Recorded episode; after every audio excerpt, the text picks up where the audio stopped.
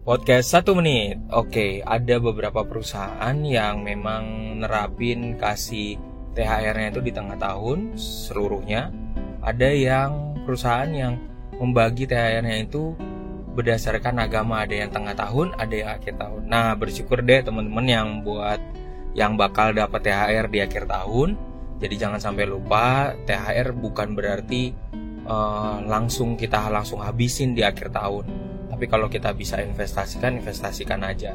Buat anak-anak yang baru nih yang baru kerja dapat gaji pertama kali kalau nanti pas dapat THR jangan langsung THR ini langsung habis diinvestasikan aja biar buat tabungan nanti ke depan. Salam dari gue lembut